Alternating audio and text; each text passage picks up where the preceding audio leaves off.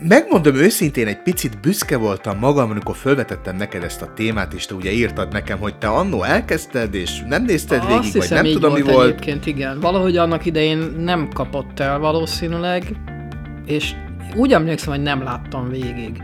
De most végignéztem. És utána írtad is nekem, hogy nekiálltál a Dicsimnusznak, aztán én itt egy nagy kő szakadt le rólam, én meg megörültem, hogy mégiscsak sikerült neked egy ajánlanom egy szívem csücsökének kedves filmet, ami neked is szíved csücsöke lett. Igen.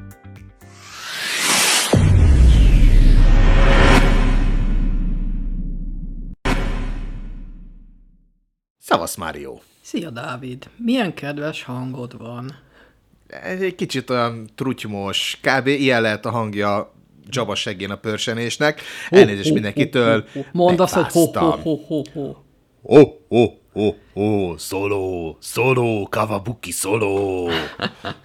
Hozzátok ide a szolót és a vukit.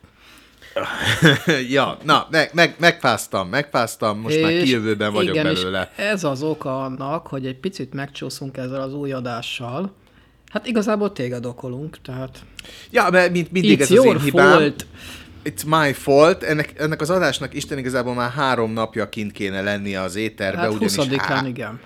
mert ö, 2003. november 20-án volt, kereken 20 éve, hogy mozikba került Antal Nimrod szuperfilmje a Control, Így van. ami nálam kulcsstátuszban van azóta is, moziban láttam. Ö, én nem láttam moziban.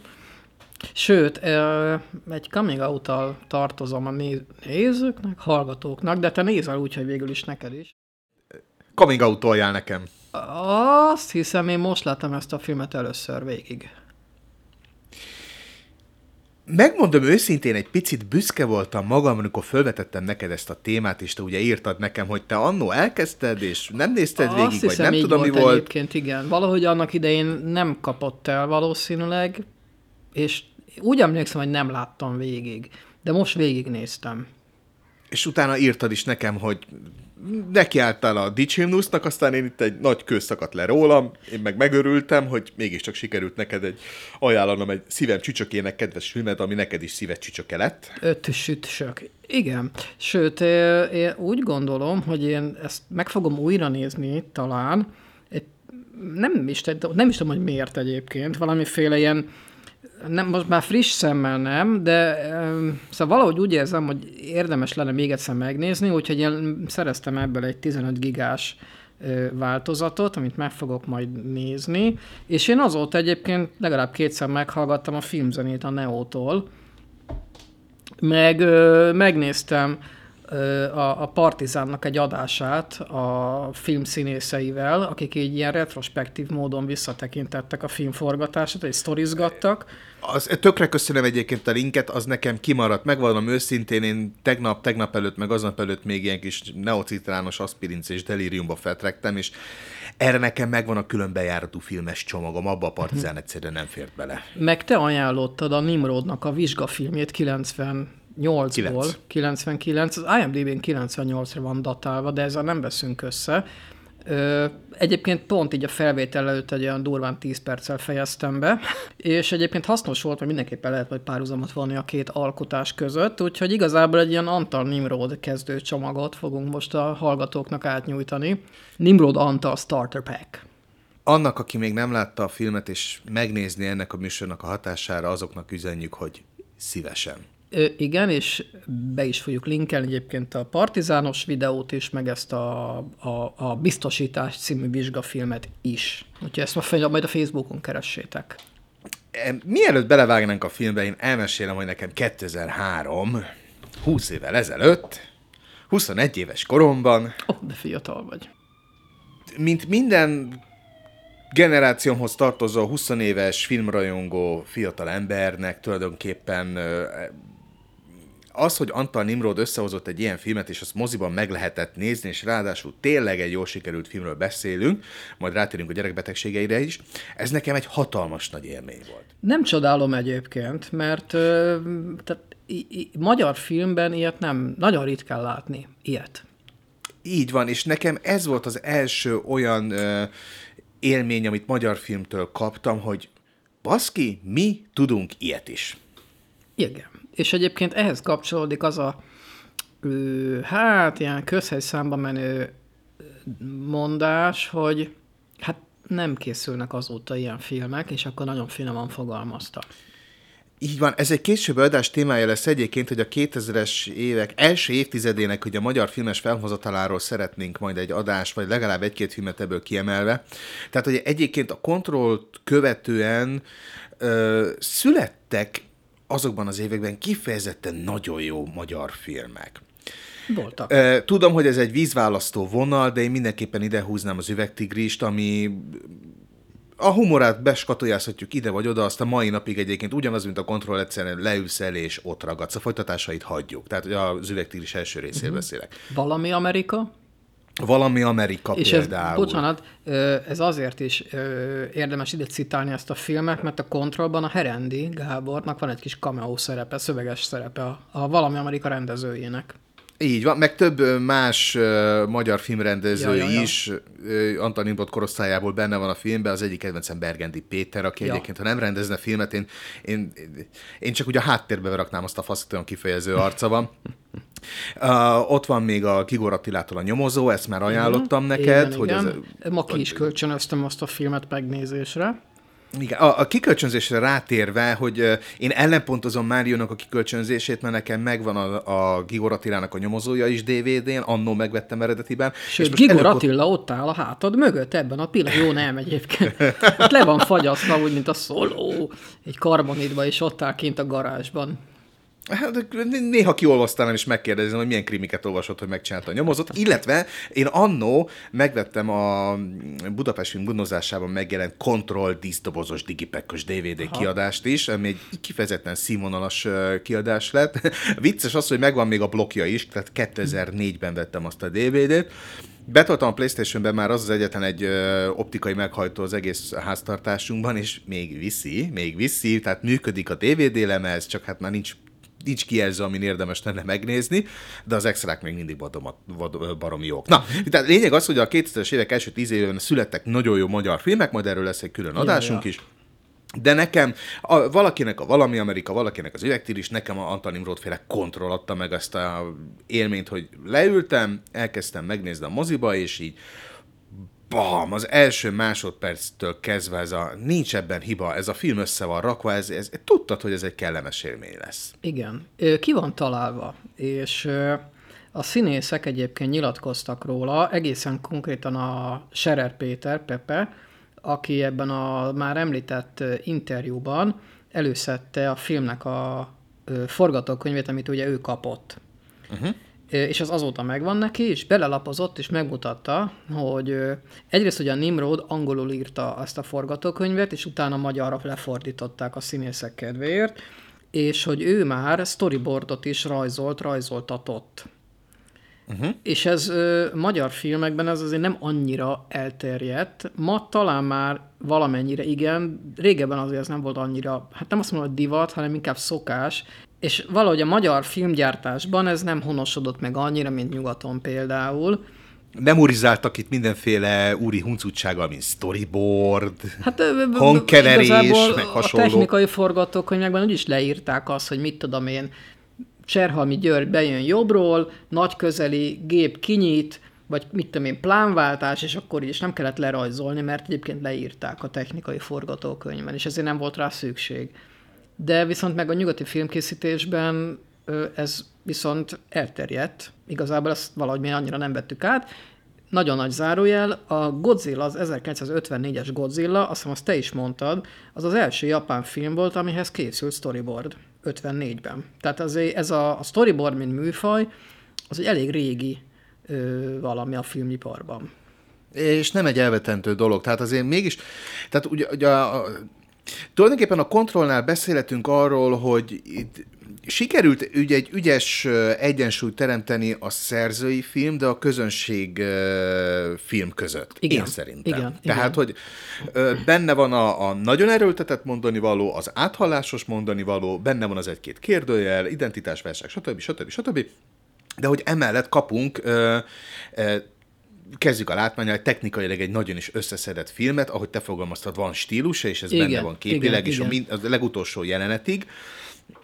Történetvezetésben, humorban, színészvezetésben, e- ez, ez akkor ez így nagyon betalált egyébként. Tehát Ja. ez, ez tényleg össze lett rakva. Mindenképpen itt meg kell említeni egyébként Pados Gyula operatőrt, uh-huh. aki így a Nimroddal együtt egy olyan látványvilágot és egy ilyen vizuális nyelvet talált ki a filmhez, ami magyar filmben megint csak azt tudom mondani, hogy ez nem igazán volt, és azóta sem annyira elterjedt. Igen. És most nem az ilyen, Ö, bocsánat, nem az ilyen Michael Bay-es ilyen ö, nagyon sűrűre vágott dologra gondolok, meg mit tudom én, becsillan a fény, meg mit tudom én, hanem egyszerűen van egy nagyon dinamikus, erőteljes látványvilága, ami tehát nem, nem unalmas egyszerűen, hogy most egy nagyon szépen komponált kép, bejön jobbról a nem tudom kicsoda, néz, és akkor izé, hanem, hanem egyszerűen egy nagyon fiatalos és, és, és, és dinamikus képi világa van. Pont ahogy a budapesti metrót meg kellett már egyszer örökíteni, mert Ja. egyébként, tehát hozzá kell tenni a, kép, a film képi világához, hogy azért, tehát én régültem a budapesti metron, tehát én kb. 20 éve elköltöztem Budapestről, majdnem, és számoljunk csak. Hűha, majdnem, tényleg majdnem 20 éve Hát elköltöztem. Budapestről. De hogy, tehát én például a négyes metrón még nem ültem, de ugye én Budapesten nőttem föl, és az a metró, ami a filmben van, az konkrétan úgy az a metró, amiben én még, ahogy én ismertem a metrót. Tehát Igen. ugyanaz én is, a, ott a ut- én is utaztam még azon.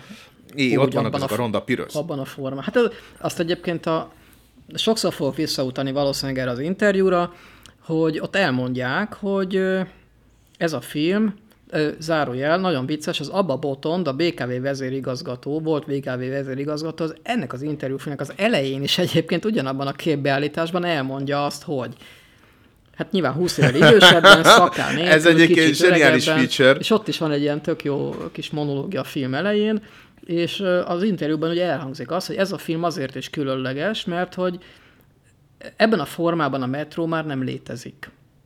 Így van. Tehát ez egy ilyen korsz szellemet is megidéz, meg egy ilyen kis időutazás is, meg Ne, a, nekem konkrétan időutazás. Tehát nekem konkrétan uda, időutazás volt, hogy Jézusom ott, Zoli haverommal ott a Deáktiri megállóban ott bratisztunk állandóan, a, azon a piros széken üldögéltem én is, ott vártam a metro. Tehát ez- ez nekem egy kis time capsule, open time capsule volt ez a film újra nézve. Ugye láttam már jó párszor, de hogy így, így tényleg visszagondolva, hogy basszus, én ezen a metrón már többet nem fogok utazni.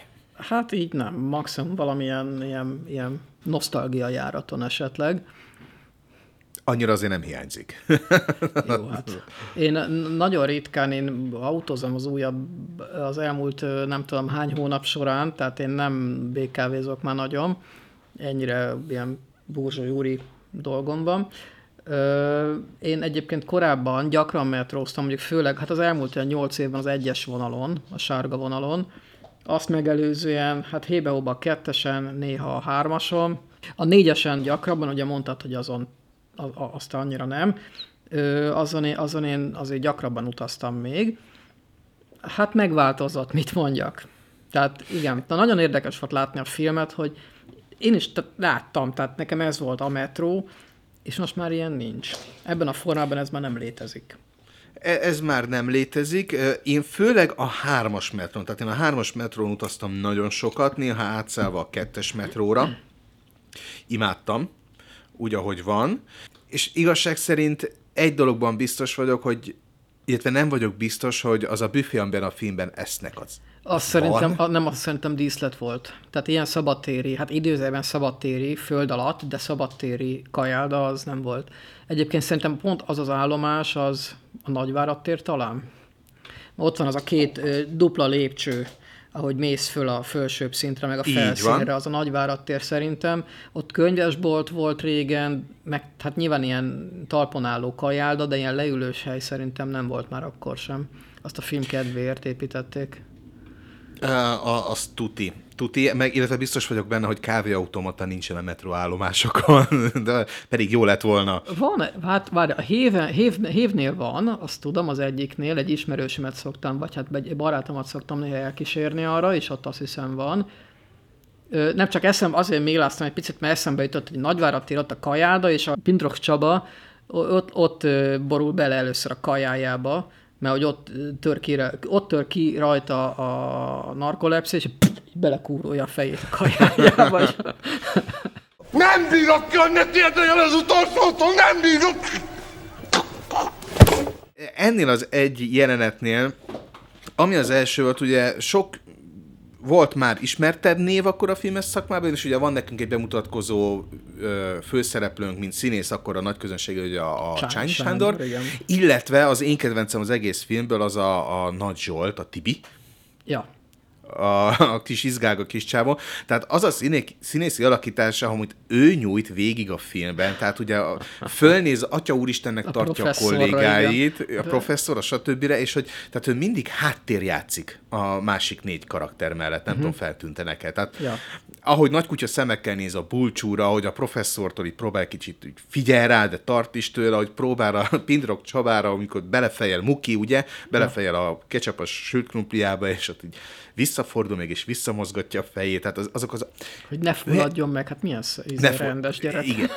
Tehát ő az egyik, és ez is az, hogy a magyar filmben nem nagyon volt jellemző az, hogy ugye általában eddig a magyar film akkoriban, addig a magyar filmekben azt szoktuk meg, hogy bejön a szereplő, monologizál egyet, aztán kimegy a háttérben, meg nem történik semmi. És itt Ja. meg van egy fiatal színész, aki a háttérben mozog tulajdonképpen folyamatosan, és mégis milyen jól játszik. Ja, de egyébként az egész filmnek nagyjából minden jelenetben van valamilyen háttérmozgás. Tehát igazából ez egy több rétegű a filmnek a vizualitása, hogy az előtérben történik valami, kicsit a középen is, meg a háttérben is. Tehát azért tényleg ez egy ilyen folyamatosan mozgó, ez egy ilyen élő, lélegző, hú, mekkora közhely, de hogy igazából ez egy, tényleg ez egy működő metrónak a benyomását kelti. Most oké, a statiszták akkor, na akkor most statiszt- statiszták jobbról indulnak balra, igen, nem néz a kamerába, igen. Mindez, ha él a film igazából, ezért is. Abszolút, abszolút, abszolút. Eh, Kanyarodjunk is vissza Abba Botonnak a Az bevezetőjére. nagyon vicces volt. És egyébként két aspektusból érdemes megközelíteni. Az egyik az, hogy ö, tehát 2003, tehát 2002-ben forgatták valószínűleg akkor a filmet, és 2002-ben még, hát ugye, hát nem, tehát nem voltunk még 15 évvel a rendszerváltás után. Friss volt még, igen. Friss volt még nagyon, és lényegében egy kvázi állami fővárosi szervezetbe beengednek egy fiatal filmesekben álló forgatócsoportot, ugye Nimrodnak ez az első nagy játékfilmje Ja. volt, és hogy lényegében ez már a demokrácia előszere volt, hogy tehát, hogy nagyon, ré, tehát ugye a rendszerváltás előtt, ha nem vagy, nem vagy valakinek csontig benyalva a, a valagába, akkor az életben nem fogsz forgatni a metróban, vagy a mentőállomáson, stb. És 2003-ban már ezt megengedik, valószínűleg az első ilyen filmes hullám volt, hogy fiatal alkotókat beengednek ilyen eddig nem nagyon látható tilos forgatás helyekre, és valahogy ennek az átmenetnek ez a kis finom hangolása az, hogy hát persze, jöjjön csak, forgasson nálunk, de jó TS elnökként, még azért elmondom, hogy ez a TS, ez nem az a TS, ami a valóságban van, Ja. hanem. És itt van a másik aspektus egyébként az Ababoton bevezetőjének, hogy kvázi ö, Ugye a kontrollnak az ismertetője mindenhol úgy kezdődik, hogy műfajilag nem túl behatárolható utazás, stb. Na, az Abba Botonnak gyönyörűen sikerül behatárolni az egész filmet. Uh, igen. Kics, ő megadta ezt a szatirikus felhangját, tehát az egészben van, tehát az Abba Botonnak a bevezetője, tehát egyáltalán az, hogy van egy nagy ö, fővárosi vállalat, és annak az uh-huh. első embere ö, úgy érzi, hogy neki el kell mondania azt, hogy hát kedves nézőink, amit látni fognak, az fikció, és legyenek szívesek nem azonosítani ezzel a BKV-t, mert a mi ellenőreink azok nem ilyenek. És egyébként ez az egész, ez egy ilyen, ad egy ilyen jellegzetes magyar bukétan az egésznek, hogy ez a, ez a fogod a fejedet, és egyébként az interjúban mondták is, hogy a film díszbemutatóján, vagy nem díszbemutatóján, valamelyik ilyen tesztvetítésen, valamelyik vetítésen a közönség röhögött ezen. Nálunk is, tehát nem csak a tesztvetítésen. Én amikor beültem a moziba, tehát szakadt mindenki a röhögéstől. De várjál viszont, hogy végighallgattam egy párszor Botonnak a beszédjét. Bocsánat. Neked csak Botond, igen. Boti, igen, igen. Abba Boton, Botinak a Boti, beszéd, Abba igen. Boton Durnak a beszédjét. És figyelj, tökéletesen leírja benne a filmet. A jó és rossz küzdelme, fiktív világ, univerzális gondolatokat tükröznek, bla bla bla bla bla, a világ, amiben a film játszódik, nyilvánvalóan szimbolikus. Na és ezzel egyébként meg is ragadta a kontrollnak a, a lényegét, hogy a film az lényegében egy, egy mozgóképes szimbolizmus. Persze. Tehát ahogy megismerjük Bulcsúnak, a, az ellenőr csoportnak a vezetőjének a háttértörténetét, hogy ő régen egy menő munkából, egy menő pesti építési vállalkozó. Van mér, mérnök volt, igen. Mérnök volt, tervező volt, stb. Volt, és igen. Nem lecsúszott, hanem egyszer csak kilépett, és a kollégái nem tudják, hogy hova tűnt, és ellenőrnek át, hogy érezze egy picit a, a való világot. Hát ő elmenekült tulajdonképpen, tehát szimbolikusan is, meg fizikailag is elmenekült a, a való világ elől.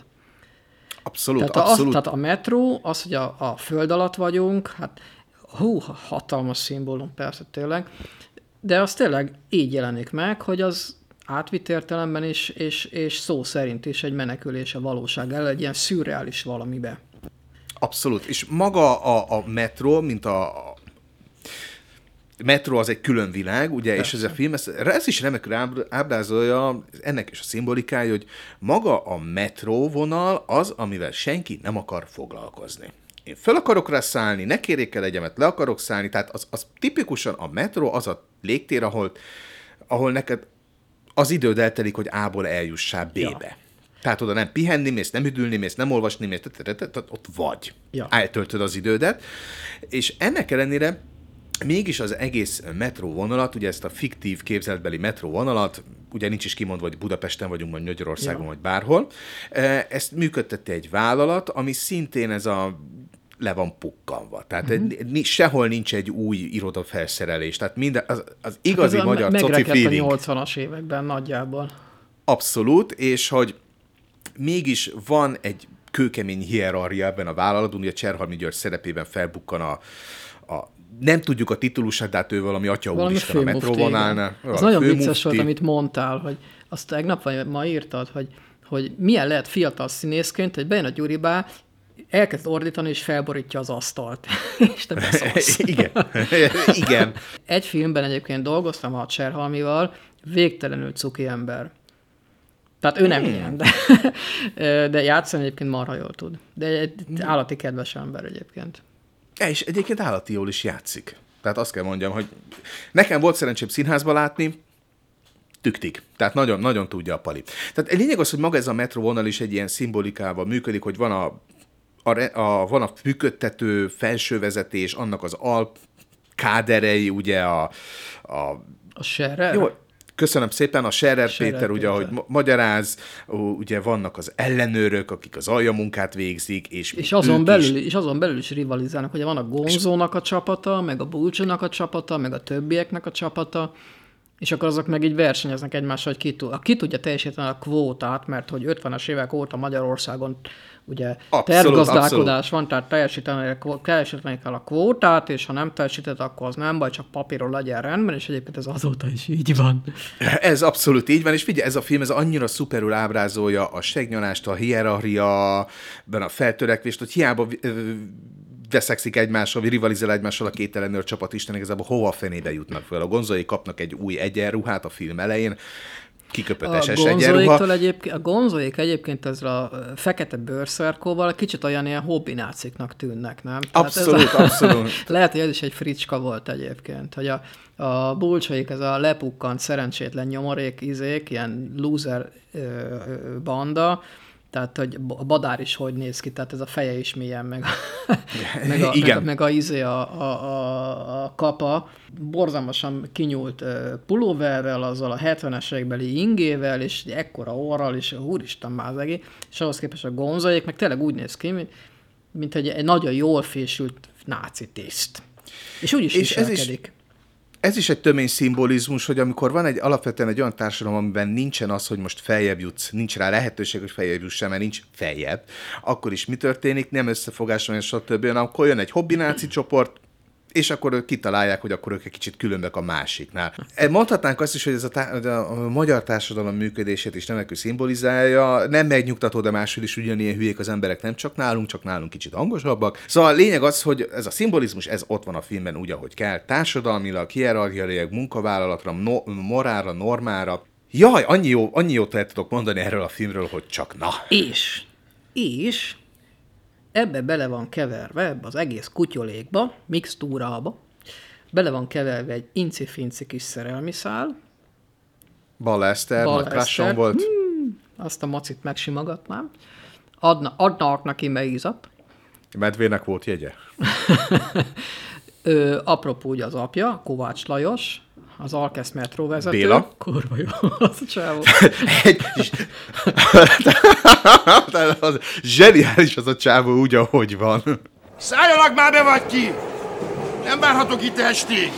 Meg, és van egy, ugye, hát végül is sok szálon fut a, a cselekmény, meg a sztori, amik hogy időnként úgy találkoznak, aztán szétválnak, ahogy a metró vonalnak, vagy a különböző simpárja is néha egybe futnak, néha külön válnak, és van egy rejtélyes név nélküli gyilkosunk is. Uh-huh. Az a csáv az kurva jó egyébként, tehát fekete kabát, lassan mozog, és nem lehet látni az arcát, és csak néz. Szabó Győző. Egyébként a Szabó Győző, igen. Meg mondom, tele van dilis figurákkal, tehát ott van például gyalogkakuk. De ezek áll- állati jó neveket talált ki egyébként a Nimrod ezeknek a karaktereknek. Ah, abszolút, abszolút. Kicsit kanyarodjunk még rá a külsőségekre. Na. Ugye az első, ami megragad mindig a filmnél, az, hogy milyen marhai operatőri munka van benne, azt már kiveséztük. Itt azért szeretném hozzátenni, hogy maga a metró azzal a végtelenül fehér ből rohasztó neonfényeivel egyébként, hát ez adja magát, hogy. Ja. valaki filmezzen már Hát lent. a, és- a pados is egyébként azt mondták, hogy hát baromi gyorsan ö, tudott átállni egyik jelenetből a másikba, mert hát ne, nem, nem sok cuccot vittek le magukkal, tehát negyed óra alatt meg volt egy átállás, lerakott két neont, aztán na, mehetünk forgatni. Meg egyébként abszolút. a Nimrod rohadtul felkészült, a, meg a, a pados, nagyon felkészültek egyébként a, a felvételek előtt, hogy ugye ők egy nap öt órát dolgozhattak csak. Tehát üzemzáráskor lementek a metróba, és fél öt körül, vagy nem tudom, mi akkörül hajnalban már be kellett fejezni, és nincs hogy jaj, még negyed óra. Nem. Tehát nem. Vége. Hanem takarodjatok. Úgyhogy nagyon-nagyon szoros ütemtervet tartottak, 40 napig forgattak, de nagyon fel voltak készülve, és pontosan tudták, épp az idő hiánya miatt, hogy jó, akkor ezzel kezdünk, oda rakjuk le a kamerát, ott lesz egy, mit tudom én, ilyen mozgás, majd ott bevilágítasz, te tudod, Abszolút, és ez nem csak az operatőri munkában, tehát maga az interiőr, atmoszféra teremtés, jelmezek, stb. Ja, Ja, Kanyarodjunk ja, rá ja. például az ellenőröknek az elosztójára, vagy elosztójára? Jó vagyok már. Tehát az ellenőröknek a központjára, ahol megy az észosztás, a napi észosztás erre. Az valószínűleg egyébként a metrónak a valamelyik remizében vették fel. Valóságban ilyen hely, ilyen hely nincs. Abszolút nincsen, és mégis mennyire tökéletesen sikerült berendezni. Összesen kb. négy be- kamerabeállás van az egész jelenetnél, és mindenhova sikerült tökéletesen mindent elhelyezni. Tehát az a nagyon régi metró térkép, az ezer éves bútorok, amik szerintem ja. még lehet a mai napig ott vannak a BKV, vagy már nem tudom mi a nevének az irodáiban, zseniális atmoszféra teremtés. Ide citálnám Béla Bának, ugye a metró vezetőjének a... Kis Tehát, fül, ahogy vezető berende- fülkéjét, a, a a vezető fülkét- meg a... hát mint ami ilyen, ilyen balkáni, vagy egy orosz, nem tudom, ilyen teherautónak lenne a, a fülkéje. Abszolút, abszolút Tehát tökéletes hasonlat. mögött, mit tudom én, csipke függöny az ablakon, zseniális. Tehát mondom, ez az atmoszféra teremtés, és ehhez jönnek még ugye a jelmezek is. Tehát az, hogy mindenkin elnyűt, koszos, fakó, kifakult, agyonmosott ruha van az összes főszereplő lényegében, kivét, de még a, de még a, ahogy a filmben a gestapónak hívott MÁV, vagy bocsánat, a metró vezetőségnek is az öltönyei is, ezek a szürkék, szintelenek. Egyedül a gonzóiknak a, a bőr náci egyenruhája csillog, meg, a, ja. Meg a, az árnyéknak, vagy a lögdösőnek, nem tudom, hogy hívják konkrétan a, a De mind a két néven lehet ismerni őket, igen. tehát annak a bőrkabátján csillog meg néha a fények, azon kívül mindenki van fakulva, és hogy jaj, mennyire jól illeszkedik hozzá. Tehát mondom, te is sokat metróztál régen, én is, és egyébként igen, tehát ez, ez egy picit, egy kicsit karikatív túlzás ez a filmben, Ja, ugyan persze, természetesen, de ez persze, nagyjából abszolút, azért ez be van lőve, de mégis egy nagyon jó atmoszférát ad az egésznek. Az, árnyék, az árnyékhoz ö, eszembe jutott az, hogy ugye van egy jelenet, hogy a bulcsú az úgy mászkál a metróban, ö, és a, ebbe mászik egy lukba. Valamilyen, nem Aha. Tudjuk hova. És egy mászik, mászik a lukban, visz magával valami kis ilyen, mit tudom én, világító fákját, és akkor egyszer csak bem- felmászik valahova, felhúzza magát, és a, az árnyék, a lögdösödő ott húzza meg magát, mint valami állat. És mint a félne a fénytől. Az, az egy, a, fú, az a jelenet, az annyi- annyira, tehát egy Alien filmbe beillett Ja. volna.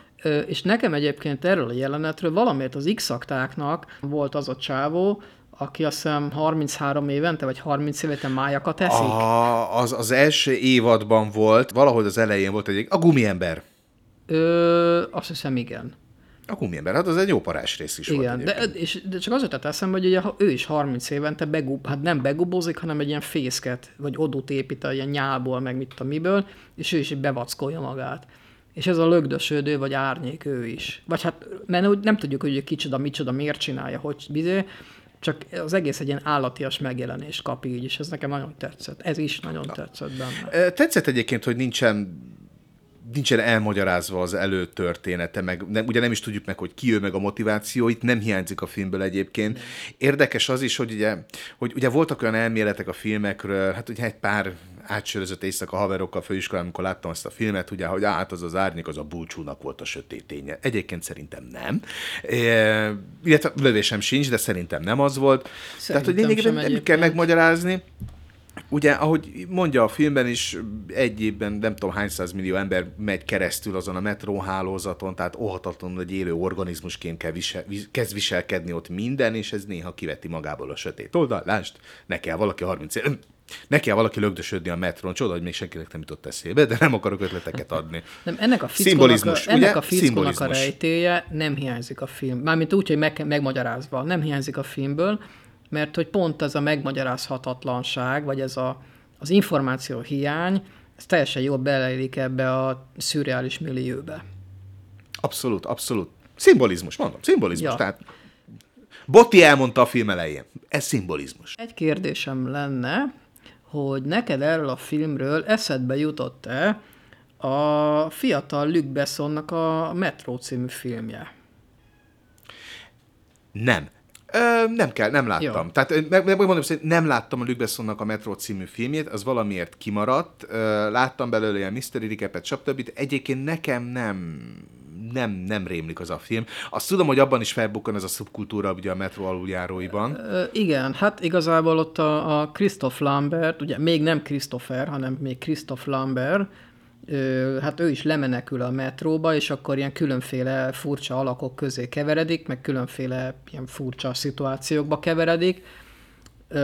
Más egy picit, meg ott nem, ott nem, nem ilyen fajta lecsúszása, meg ilyen szimbolikáról van szó, de ha, ha úgy veszik, akkor ott is végül is egy ilyen alámerülés ebbe az alvilágba, aztán visszatérés onnan, stb.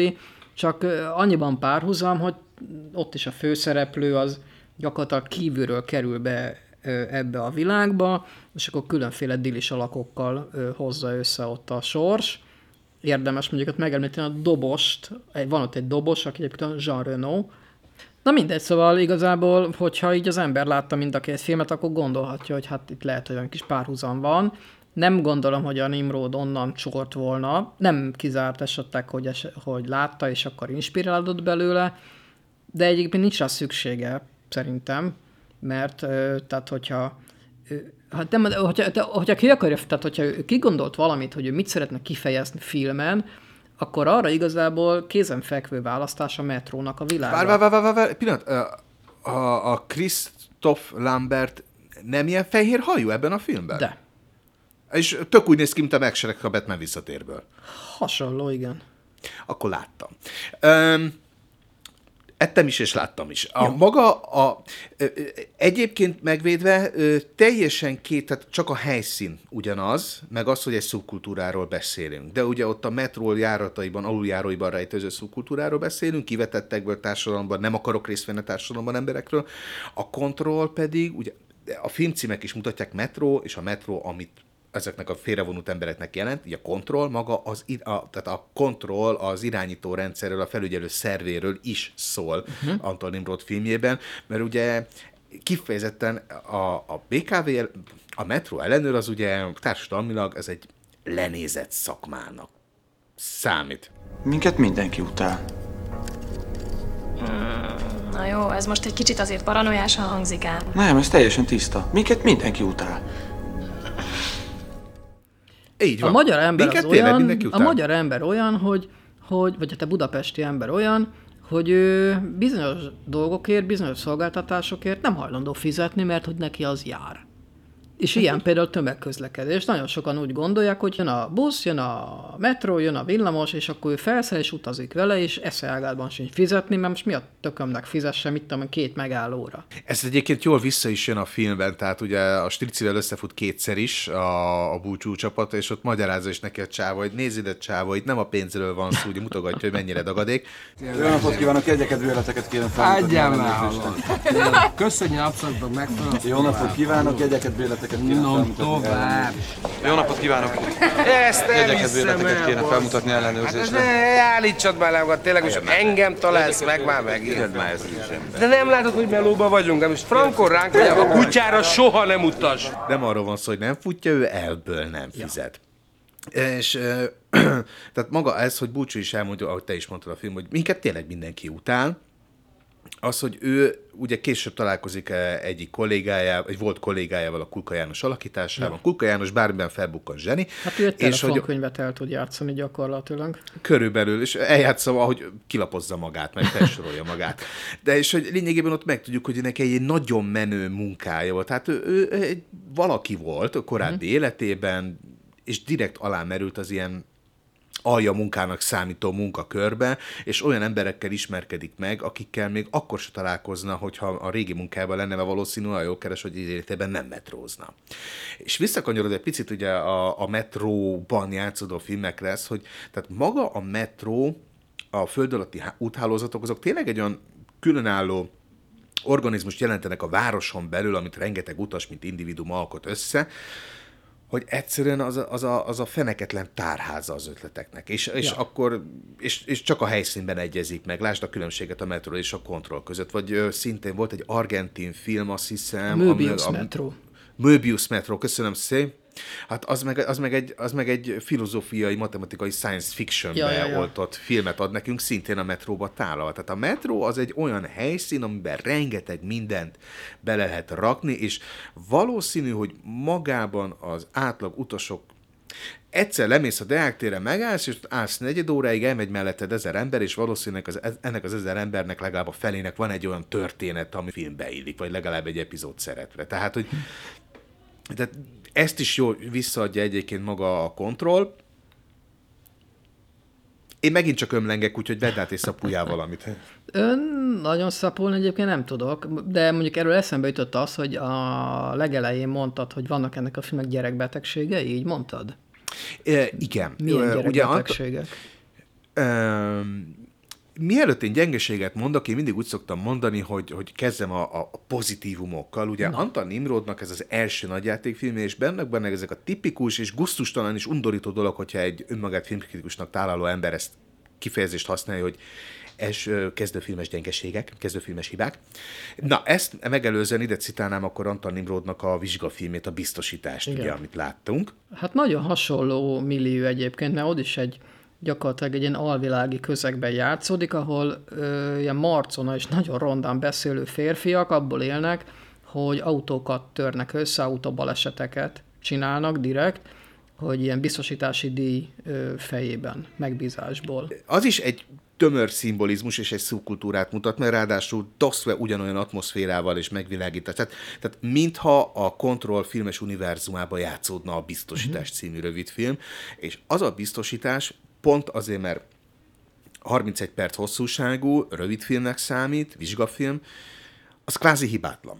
A Control, mint első nagyjátékfilm, ugye ott ki kellett tölteni 105 percet, másfél óra plusz 10 perc, tehát ott már előjönnek olyan hibák, hogy például nem, nem túl koherensen jön, nem ez rossz szó volt, tehát nem túl jó ritmusban jön az elgondolkodtató részre, rávágunk egy humoros epizódot, arra rávágunk egy nagyon szerelmi andalgást a második részben, aztán jön egy álomjelenet, ami nincsen fölvezetve, de, de beleillik a film kontextusába, stb. Tehát, hogy ott egy picit ilyen egyenetlen a ritmus a filmnek. Igen, igen. Ö, valahol a fele, kétharmada környékén van egy pici ö, lelassulás benne. Nem annyira zavaró, hogy ez a úristen, de érezhető, hogy az egy picit úgy lassabb. Az utolsó fél óra, amikor kezdődik, ott, ott, ott lehetett érezni picit, hogy tudod, elkezdte, tehát elkezded nézni a filmet, és nem nyúlsz hozzá a telefonhoz, meg nem kajálsz közben, stb. mert leköt a film, és valahogy itt ez az utolsó 30-40 perc, amikor elkezdődik, akkor kezdesz egy kicsit feszengeni, bulcsot szomorúan sétálgat föl alá a sötét metróban, jó, akkor telefont előcsapod, és nézegeted egy kicsit, stb. Még mindig sétálgat az aluljáróban is szomorúan cigizik, tehát ez egy picit, ez a tipikusan az, hogy szerintem ez a jelenet eleve rövidebb kellett volna, hogy legyen, csak úgy voltak vele, hogy hú, baszkis, akkor most e- ide még két percet rakjunk, hogy meglegyen a hosszúság. Szerintem azokat a jelenteket vették fel egyébként legelőször. Uh-huh. Ö, azt, azt hiszem azt a, a Csányi Sándor elmesélte, hogy, ö, hogy kicsit szokja a, a, a stáb egymást. Meg ő Aha. is szokja az egész munkát, meg az, hogy nem alszik, meg hát egy, egy hónapon keresztül nem aludt gyakorlatilag, azt elmondta, hogy ő éjszaka forgatott, reggel próbált, ö, délután játszott, meg este játszott, tehát ő nem aludt 40, 40 napig, és ez mondjuk egyébként baromira látszik már a filmben. Jól is megy a szerephez egyébként. De hogy így, amikor így mászkál csak így önmagában a metro aluljáróban, azokat a jelenteket vették fel azt hiszem legelőször. És akkor valószínűleg azért is hagyták benne, hogy az ilyen, tehát a, a Nimrod lehet, hogy beleszeretett, ebbe, beleszeretett ezekbe a jelenetekbe, hogy hát ez volt, ezzel kezdtük, hát akkor így a bulcsónak a lelki világát azt milyen jól kifejezi az, hogy ő most ott andalog a sineken, és akkor ilyen rejtélyes fények, akkor még nem történik semmi, és akkor jaj, hogy szereti a kamera. E- Egyébként tényleg szereti a kamera a csávot, meg a, a, a filmet is szereti a kamera, meg a néző is a kamerát. E, Nincs is ezzel gond, tehát nem azt mondom, hogy ezek a filmnek a nagy hibái, hanem ezek a tip, mondom, gusztuslan kifejezés, ez a tipik elsőfilmes hibák, de egyébként ez benne van a filmben, viszont nem, tehát nem lök ki téged belőle. Abszolút nem.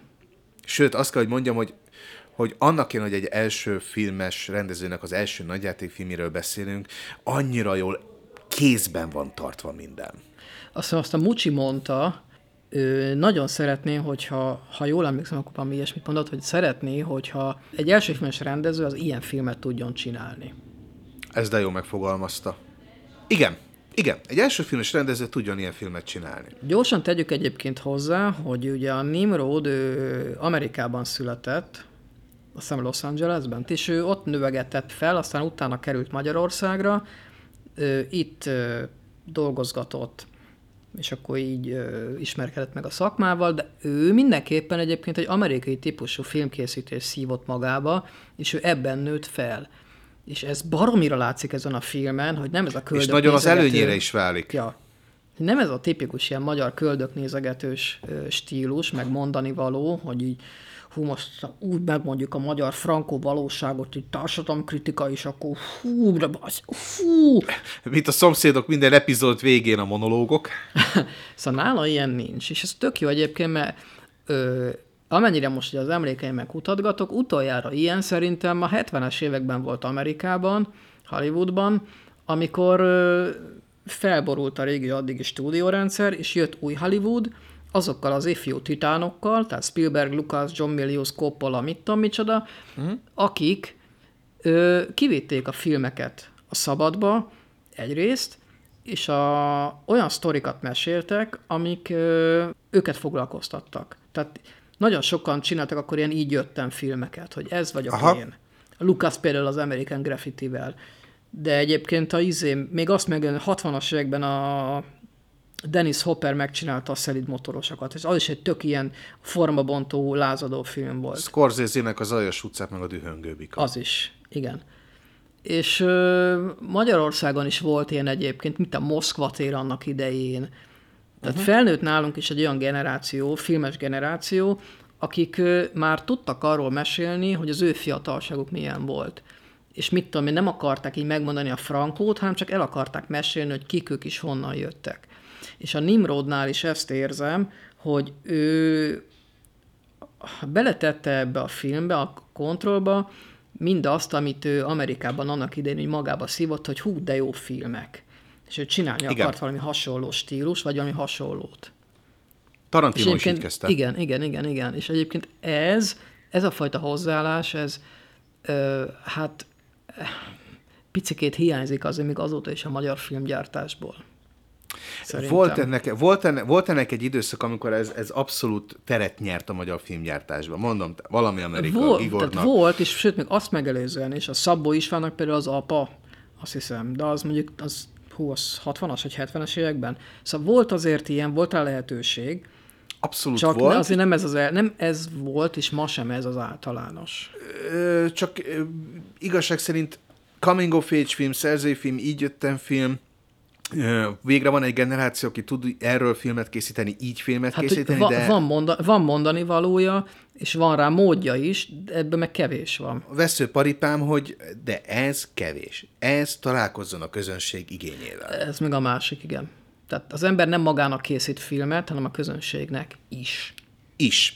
És a Contra ennek a remek példája, ugyanúgy, ahogy a Valami Amerika, ugyanúgy, ahogy Üvegtigris például ugyanez. Találkozik a közönség igény, meg a mondani való, a ugye ebből kinőttek még ebből az érából olyan filmek, amikor már csak a közönségfilmről beszélünk. Kern András például a Stracciatella első rende, az első rendezése a Kernnek, aztán meg a, a miniszter félrelép, a klasszik amerikai vígjáték elemeket hozza, meg stílust. Azt is moziban láttam. Az is egy jó film volt egyébként. Tehát ez egy, ez egy közönség szórakoztató film. Beült és röhögtél egy ott, hogy bár ilyenek lennének a politikusaink. Hát ez... Hát valószínűleg ilyenek, csak az nem annyira vicces. Tehát, hogy Igen. e- erezd el az ereszt. Na mindegy. Tus. Tus. Igen. Tehát, hogy volt ez az időszak, és még ide citálnám a Fleiglau Fe, Fligav Fle, Bence, vagy Köszön- Benedek, igen. Hú, neki a, renge, neki a rengeteg kurva jó film, beszélő Meg a fejek, deal. meg a dealer. A dealer. A Hú. dealer, a dealernek az, az arról is beszélni kéne. Konkrétan abban a jelenet, amikor fölmegy a matek az egyetemistákhoz, a csajokhoz, és az, tehát azt a jelenetet szerintem filmes iskolákban kéne tanítani, hogy hogy megy kör, hogy ugye, e, na arról majd hozsannákat fogunk még zengeni arról a film, azt is moziban láttam. Na. A 20-as éveimben nagyon sok esélyt adtam a magyar filmnek, hál' Istennek sokkal több jót kaptam vissza, mint rosszat, nem is néztem meg mindent mondjuk. Tehát ö, volt ez az érája, a magyar filmnek, amikor tényleg egy picit így beindult, és úgy tényleg a mondani való találkozott a közönség igényeivel, ráadásul jó filmes iskolákat jártak azok, akik ezeket a filmeket írták, rendezték, vágták, zeneileg mm. szerkesztették, fotózták. Még ide citálom a Jött egy busznak egy-két szegmensét, tehát, hogy abban olyan olyan trükktechnikai jelenetek vannak néha, hogy beszabehu. Szóval, hogy Hát most megvan a hadik. Na mindegy, szóval, hogy volt egy jó íránk, és valahogy nekem a, ebből az érából a kontroll volt az, ami egy, egy nagyon oda csapott. Tehát az, hogy leültem, érdekelt történet, lenyűgözött a képi világ, lenyűgözött a zene. Igen, a azt érdemes zenéje az- megemlíteni a Neónak. A, tehát magy- a magyar filmekhez nyilván szoktak filmzenét ö, szerezni, de az, hogy egy kortárs magyar filmhez egy elektronikus könnyűzenét játszó zenekar ír zenét, az szerintem ahhoz mérhető, mint amikor a Tron Legacy-hoz a Daft Punk ír Igen. zenét. És legalább ugyanolyan színvonalasan is sikerült kihozni. És mennyire jól illik egyébként a dinamikájához, meg a, meg a sztorihoz, állna rohannak például, futnak ide-oda, és akkor milyen jól adja a zene egyébként ezt a ritmust és tempót.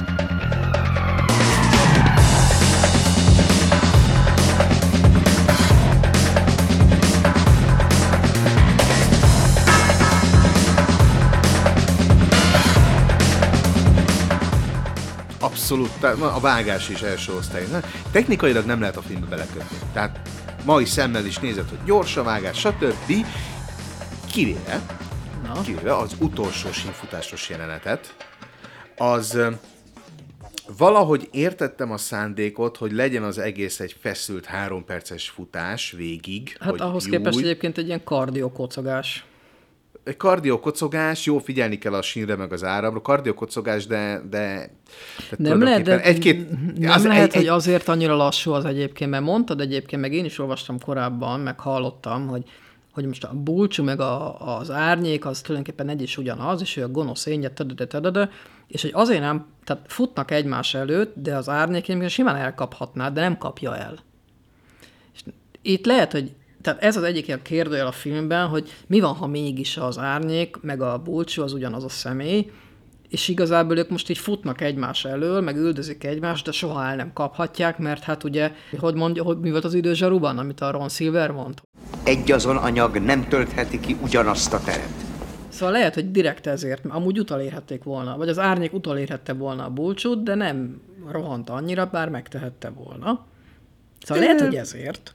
Lehet, hogy ezért nekem ebből az jött ki, hogy nekem hiányzott onnan még négy-öt vágókép az egészből, de, de tény, hogy, hogyha ez volt a szándék, akkor ez érthető végül is maga, miután Bulcsú kiröppen a átjáróból, vagy a vasúti sínekről, és nem üti el a metró, de a mögötte lévő árnyékot elüti a metró, a metró mégse fékez. Hát nem Tehát- tudjuk, hogy elüti. E, jó, elvileg igen, gyakorlatilag nem tudjuk. Mindegy, ez is egy ilyen, az egyik ilyen rejtély. Ő, Nekem most eszembe jutott az előbb, hogy egy, ugye a, a színészgárda, ugye a Nagy Zsolt, a Mucsi, a Serrer, a Pindrok, Pindrok, a Balla Mucsi, Eszter, igen, Badár. a Badár, a Badár, hát ez hatalmas már megint. A Badárról olvastam, hogy ő, ő, ja, Badárról olvastam, hogy ő ugye nem szeret szöveget tanulni, tehát ő improvizál. Tehát itt is. De egyébként meg szivatták egymást egyébként a színészek, hogy a Mucsi is egyébként improvizált, amikor már ő összeverve ülnek a, a, a székeken, Szégyen gyalázat, de én behugyoztam gyerekek. El is megyek haza. meg hogy azért szotyiznak állandóan, hogy ne lássák, ne, ne röhögjék el magukat, meg... Ez mondjuk működik is, tehát tényleg a, a, ugye a Csányi Sándor ugye a búcsú karakteréből ez nem adódhat, de hogy az összes többi megkapja maga kis jeleneteit, ami Ja. tényleg hogy a háttérben fetreng szerintem mindenki a röhögéstől, ha nem szotyízna. De Meg- Badárnak az a beszólása, hogy Ne szórakozz velem, bazd meg! Takarodjál egy kicsit a távirat, szórakozol velem, bazd meg! Húzz innen ki fel, mint elvágom azt a büdös jogos kezed, a tádodba állítom! Igen, a, amikor előkapja a fűrészt, és egyébként a szintén ebben az interjúban mondták el, hát a Badár mondta, hogy ő annyit mondott a Nimrodnak, meg volt ugye a jelenet, hogy uh-huh. önnek majd le kell kezelnie valahogy ezt a drogos csávót, és a Badár azt mondta, hogy figyelj, nem mondom meg, hogy mit fog csinálni, de ne lepődj meg. Aha. Tehát a Nimrod nem tudta, hogy mit fog csinálni a Badár, és a Badár elmondta, hogy ő keresgélt otthon a jelenetre készülve, hogy most, tehát most nem akarja mondjuk mit tudom, leütni azt a csávót, mert az, az, az, ne, az valahogy nem illette ez az egész jelenethez. Aha. És valahol látott egy fűrészt, és azt így magához vett, és így bedugta a gatyájába, és megcsinálta egy a jelenetet, a Nimrod meg röhögött, és mondta, hogy na hát jó, ez, ez, ez nem lesz benne, tehát ezt, nem, ezt így nem, vegyük újra, aztán mégis Aha. azt hagyta benne a filmben. tehát tökéletesen működött Ö, egyébként. meg kell említeni nekem, én mindenképpen szeretném a, László Zsoltot, a, a Kripli. Igen. Nagy Zsoltában egy közös jelenete a simfutás előtt, és az, uh-huh. tehát a László Zsolt is mekkorát játszik már, pedig egy néhány perces vászon ideje van csak. De maga A- az, az egész igen. fickó, hogy leva, levágta a, a metró a lábujjait, ezért sántít, és egy ilyen összeeszkábált mankóval mászkál, de amúgy egy ilyen sebhelyes, véres, mit tudom, milyen csávó, aki nem tudom, állandóan össze lenne verve, és egy cigizik, és ilyen halálla az az egész fickó. És ő is egy ilyen nagy öreg. Igen, és az ő arcán is ez a nem kimondott háttértörténet a karakternek Ja. ja. ott van a műsebb helyekkel, meg mindennel. Egyébként az a jelenet különösen azért jó, mert ott a Nagy Zsolt, mint Tibi, tehát brillidozik. Tehát ez a, tehát itt a gyerek, aki ne, itt egy kamasz gyerek, aki nem fogja fel, hogy itt most mi történik a síneken, és akkor figy- figyelj már, adjam egy cigit. Adjam egy cigit. és akkor ugye a, akkor ugye a László Zsolt, mint K visszanéz rá, És így megboldogult dohányos korszakomból én is emlékszem arra, amikor valaki odajött, hogy adjál már egy cigit, és így az anyádat ezt tőlem. És ugye ő, ő, meg. ő magyarázza el, hogy mi a sínfutás. Abban a másodpercben, amikor a vonat kihúzott az állomásról, ezek leugrottak a sínekre, és elkezdtek futni utánunk. Ez nem olyan egyszerű, mert a talaj tele van csövekkel, vezetékekkel, meg ott vannak a sínek is. A grafitporral megtelik a tüdőd, és nem kapsz levegőt. A probléma a következő vonat.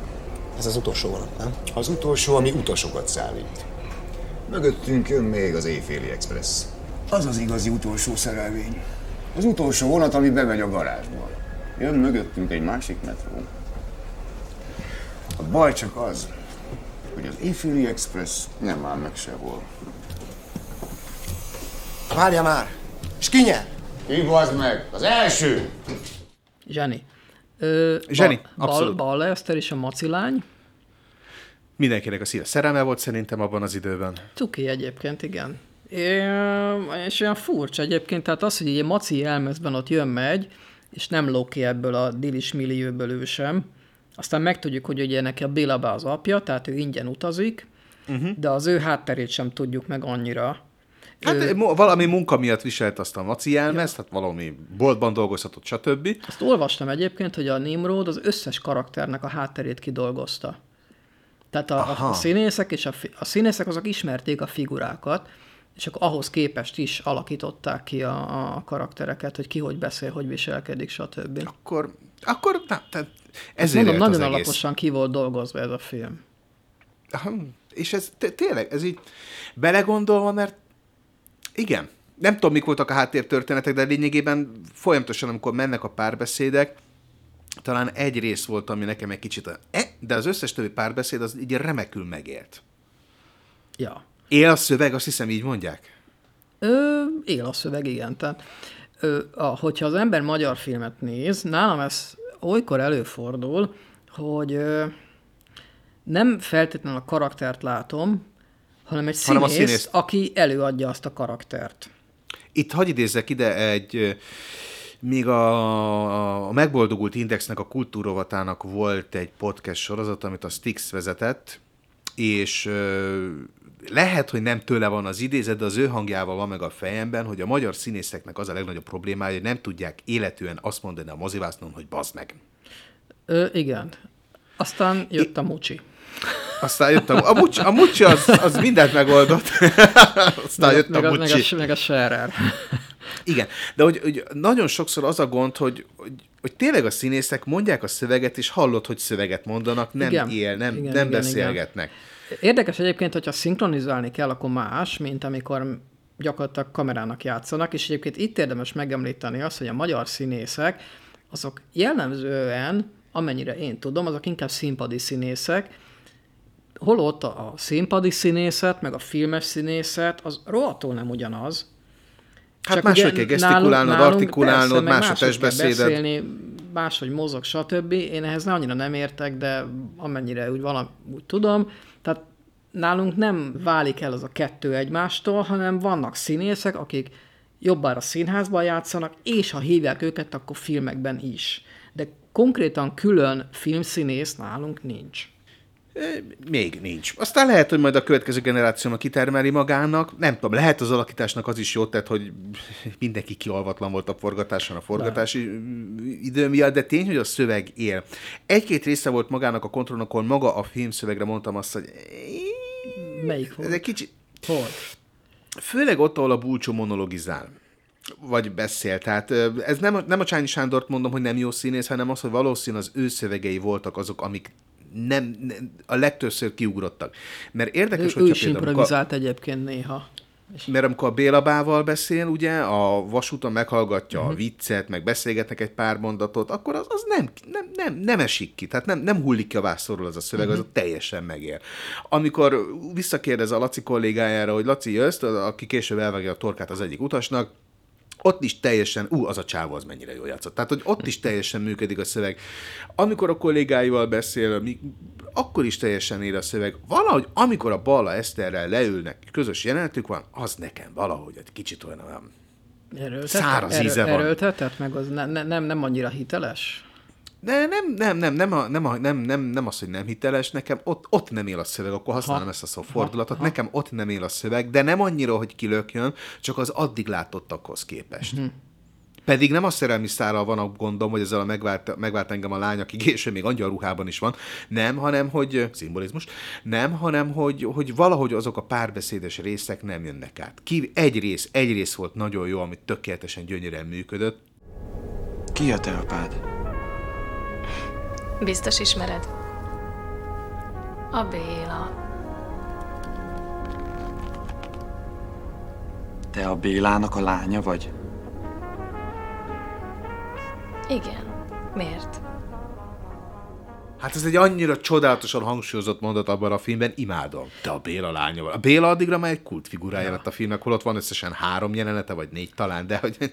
Érdemes megemlíteni Eszenyi Enikőt is, uh-huh. aki a filmnek a legelején ugye részek csajt játszik, és így botladozik le a, a mozgó lépcsőn. Azt pofán önti magát a pesgővel, marha jól játsz egyébként a részeget. A részeget azt nagyon ripacskodva lehet csak eljátszani, vagy így. Eszenyi azért tud játszani, ezt, ezt, Ja. ezt így valljuk be, Ö, zseniálisan hozza, és akkor lényegében akkor ez a, ez a film töm, topzódik a kameókban, mondhatjuk így, hogy Ja. itt van Eszenyi nélkül, aki... E- Eszenyi, a Herendi, a Bergendi, ki van még? Van még? Hú, vá, fú, nem szedtem össze, pedig volt, volt ott volt ott egy pár. Na mindegy, szóval, hogy azért vannak benne, vannak benne arcok. Öm, én rommá ajnároztam ezt a filmet. Én is, meglepő módon. Mondom, újra fogom nézni, és ahogy mondtam is neked, hogy most nem kizárt, hogy azt úgy majd szépen elrakom a gyűjteményembe, ami nagyon nagy szó nálam. Borzasztóan örülök, hogy ezt is sikerült. Figyelj, mielőtt akkor az ajtók záródnának a mai adásunkra, Ez jó duma volt. É, köszönöm, köszönöm, most meg, neocitrán, hogy ö, gy- kicsit vetítsük előre, nem tudjuk, mikor lesz még annak az adásnak a felvétel, addig meg kell nézni egy pár filmet, viszont akkor avassuk be a néz, nézőket, avassuk be a, a, a hallgatókat, hogy mik lesznek azok a filmek, amikről egy picit próbálunk bemutatni ezt a 2000, 2000-es évek első 10-11-2 évét a, moz, a magyar mozifilmekkel. Tehát akkor a, én javaslom, hogy a Gigor Attilától a nyomozót, Igen, én kikölcsönöztem ma akkor ugye ezt, kikölcsönöztem a Lizaróka tündért, Madarász Istitől bármit nézzetek meg, nem kell, hogy az elmúlt első tíz évben készüljön, bármit nézzetek Ö, meg. Az Átjáróház című filmet szedtem még. Bocsánat, kölcsönöztem ki. Így Beszélünk van. majd egy nagy kedvencemről, a Koyotról. A mindenképpen, azt én fogom még egyszer megnézni. Mundrocó Kornélnak is nézzétek meg egy pár filmjét, tehát hogy a... a Na, nem fog eszembe jutni a címet. Na mindegy, Mundrocó Kornélt nézzetek. Ja. A Jött egy busz filmsketch gyűjteményt is nézzétek meg. Az, a, azon belül különösen ajánlom a Táltos ember versus Ikarus. Figyú, magyar képregényfilm, magyar képregény, fiktív képregény hősről, és, és az egyik oda rakod a Marvel mellé egyébként. Ha. De tényleg, tehát az, az, csak azt az egyet ajánlom, az nagyon ott van. Egyelőre legyen ez a lista, aztán úgyis majd a, szerintem Persze, ez alakul posztban- még mindenképp. Ez alakul még, meg szerintem Csak hogy ez lesz egy-két így a fő irány. Ez, a, ez, ez lesz a fő irány. Ö, aki a fehér tenyeret rendezte. Mondom, rengeteg filmcím van itt a fejemben, nagyon sok jó magyar film van, és ennek fogunk egy kicsit a bugyrába menni, ez szerintem nem is egy adás lesz, viszont akkor most egyezzünk meg, hogy a különböző posztjainkban időről időre nem az adást fogjuk bepromózni, hanem az, hogy milyen filmekkel fogunk készülni arra a megadásra. Uh-huh. Pont azért, hogy akinek, nem azt mondom, hogy interaktívak leszünk, csak hogyha van olyan hallgatónk, aki kedvet érez hozzá, az nem azt mondom, hogy házi feladatként készüljön vele ezekből a filmekből, de nézze meg ezeket a filmeket, hogy friss aggyal hallgathassa meg Ja. majd az előadásunkat, mit gondolunk erről. Ja, ja, ja, legyen így. Legyen így. Ez volt a Control, boldog 20. születésnapot Antal Nimrodnak. Köszönjük ezt a filmet, köszönjük, hogy velünk voltatok.